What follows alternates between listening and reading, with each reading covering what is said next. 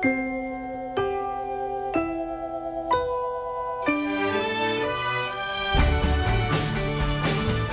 hai un poemario do que se comeza a falar moito nas redes sociais eh, Imos a ver que nos conta. Alba Cid, hola, moi bons días. Hola, bo día Isabel. Parece que ven con forza este novo poemario de Daniel Salgado Os paxaros e outros poemas si eh, volve, non, Daniel, con este poemario editado en Xerais, eh, digamos que Daniel, de feito, ten unha demorada trayectoria como poeta, con liñas recoñecibles que pasan pola atención a todo tipo de violencias e convulsións históricas, por certa constancia na reflexión metaliteraria e, sen dúbida, por un músculo crítico axexante moi notable.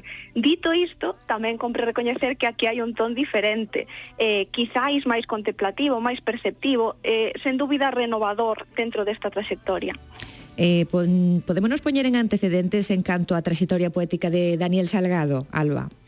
Sí, eh, é o que vos contaba. Isto chega nos realmente dende o 2017, non recibíamos non nada de Daniel, dende aquela plaquet con apiario, gran rexeitamento, flores para Albert Tyler. Eh, o que temos aquí para min é un pouquiño unha viraxe, é algo diferente xa dende ese propio título, non? Dende eses os paxaros e outros poemas. Acheguémonos a eses, a eses paxaros do poemario que chegan a constituir unha serie propia? Sí, eh, vayamos cara lá, diría eu, aínda que conviría non pasar por alto eh, unha oración, ese primeiro poema do libro, que é capaz de anunciarnos certa unha actitude atónita por parte dos, dos humanos, non? E de contrapoñer a humildade dunha materia que vai reaparecer rotunda, puntualmente, ao longo do poemario. Entón, tras ese pórtico, tras esa oración, chegamos á sección dos paxaros, onde se concentran algúns poemas paradigmáticos para min do libro. Son nos paxaros ben coñecidos, ben recoñecibles, son pardais, merlos, corvos contemplados na súa cotidianidade, ese peteirar na mala erva con paciencia miúda, a dúbida nerviosa, ingobernable da lavandeira, E coido que moita a rendibilidade desta mirada, que é en certo modo semellante a que logo se pousa sobre a lama ou sobre a castaña, e é capaz de termar dunha miríade de significados destes elementos. Eh, falábamos disto, desa certa actitude contemplativa, e non me resisto a lembrar que esa palabra, contemplación, eh, une precisamente a preposición cum e templum. E ese templum era o lugar sagrado, o lugar dende que os augures da antiga Roma miraban o voo dos paxaros para afinar que lugar se podía consagrar. Bueno, é curioso isto, non? É, eh, curioso. é curiosa, é curiosa esta mirada. Eu diría que seguramente a mirada do poeta aquí xa é outra, non? Uh -huh. Pero milenios máis tarde, si sí é capaz de acompañar esa trayectoria, é capaz de converter a eses seres en motor e en interrogante, non? Como pasa, por exemplo, no poema dos corvos. Eh, non sei se podo ler vos, Isa. Eh, sí, sí, tres, sí, sí, eu xa estaba, eu xa estaba, eu xa estaba, eu xa estaba pendente deses, deses versos onde referirnos aos corvos, como di? Pois, pero que insinúan? A quen se supón que agoiran mal? Como deciden onde pousar? Por que coñecen a cidade por dentro e nada saben do seu proceso histórico? eh, hai moito, hai, hai moito de revelador eh, nesta nova ollada, eh, moito nesta parte dos paxaros, pero é certo que o libro é bastante máis, non ca esta sección.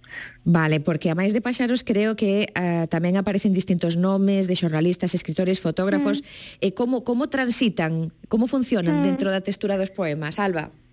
Pois de maneira moi limpa. Eu diría que non hai nada de afectación nin de cripticismo, porque coa mesma sutileza coa que nos aparece un cazador de serpes do poema de Co un no primeiro texto, ou coa que se axita un grande abeto detrás da casa, con esa mesma naturalidade e sutileza aparece Jacob Rees percorrendo Manhattan cunha cámara en man para atender os modos en que, e cítovos, o capital se desprega contra os corpos, ou acompáñase unha das fuxidas do escritor e activista afroamericano James Baldwin, ou lembrase como William Morris reclamaba o dereito á beleza. Non só hai artistas, teóricos, músicos, tamén están os lugares que nos aguilloan ou que nos ofrecen certas intuicións hai un poema fantástico, eh, o Pantocrátor de Vilar de Donas, arredor destes lugares, non? Arredor destes lugares dos que arde, arden diel graves os séculos, non?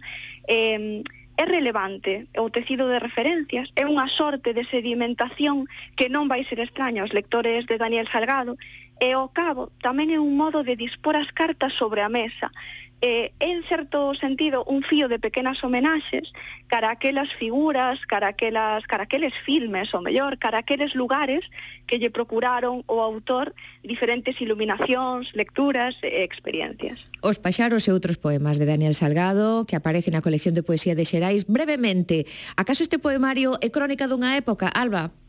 Sí, coido que sí, para min percibes ese aceno de retracción, tal vez unha toma de distancia que nos permite a contemplación da que falamos, e con todo, trátase dunha contemplación que non se en si sí mesma, que incluso permite celebrar a rotundidade da terra e continuar vixiante, eh, como sempre é a voz poética de Daniel Salgado, continuar sabendo non que os reinos da dominación son vastos, ou constatando a imposibilidade da, da xustiza en certas coordenadas.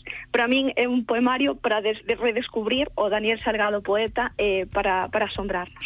Pois grazas por esta referencia hoxe, comentario de Alba Cid na colaboración de poesía que temos quincenal aquí no Diario Cultural. Grazas, Alba, volus de entroido. A vos, escoitámonos.